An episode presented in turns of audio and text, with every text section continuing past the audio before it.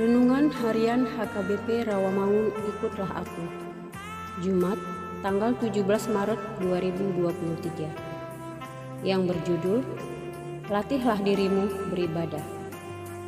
Bacaan kita pada pagi hari ini tertulis dalam Markus pasal 12 ayat 35 sampai 37 Bacaan kita pada malam hari ini tertulis dalam Matius pasal 25 ayat 31 sampai 45.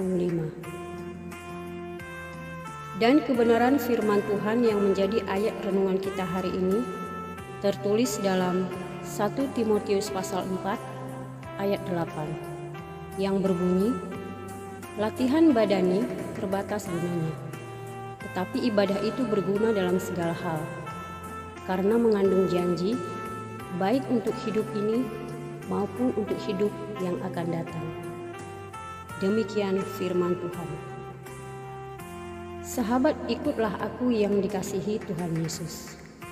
Rasul Paulus memberikan pengajaran kepada Timotius bahwa ibadah semestinya dibangun dengan dasar firman Tuhan, sehingga setiap yang beribadah mengalami pertumbuhan dan pertambahan dalam pengetahuan dan pemahaman iman, serta semakin menghayati iman kepada Yesus Kristus.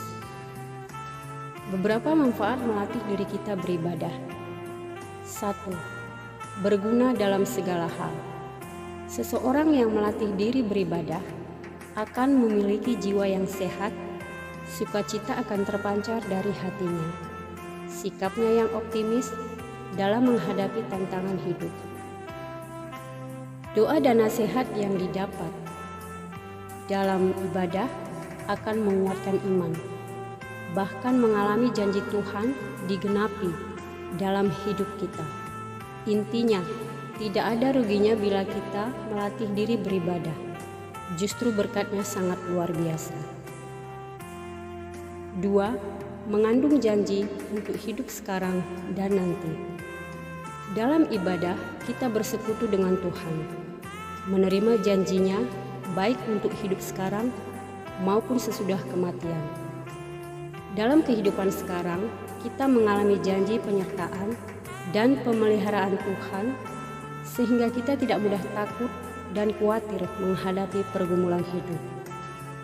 Dalam kehidupan yang akan datang, kita menerima janji keselamatan, yakni tempat di sorga sudah Tuhan sediakan bagi orang yang percaya kepada Kristus. Jika latihan badani membawa keuntungan bagi fisik kita, maka latihan rohani juga akan membawa keuntungan bagi kerohanian kita.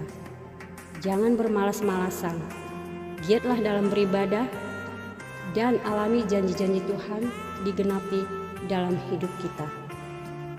Amin. Marilah kita berdoa. Ya Tuhan, Ajarkanlah kami untuk senantiasa beribadah kepadamu yang berguna buat kehidupan kami di dunia ini.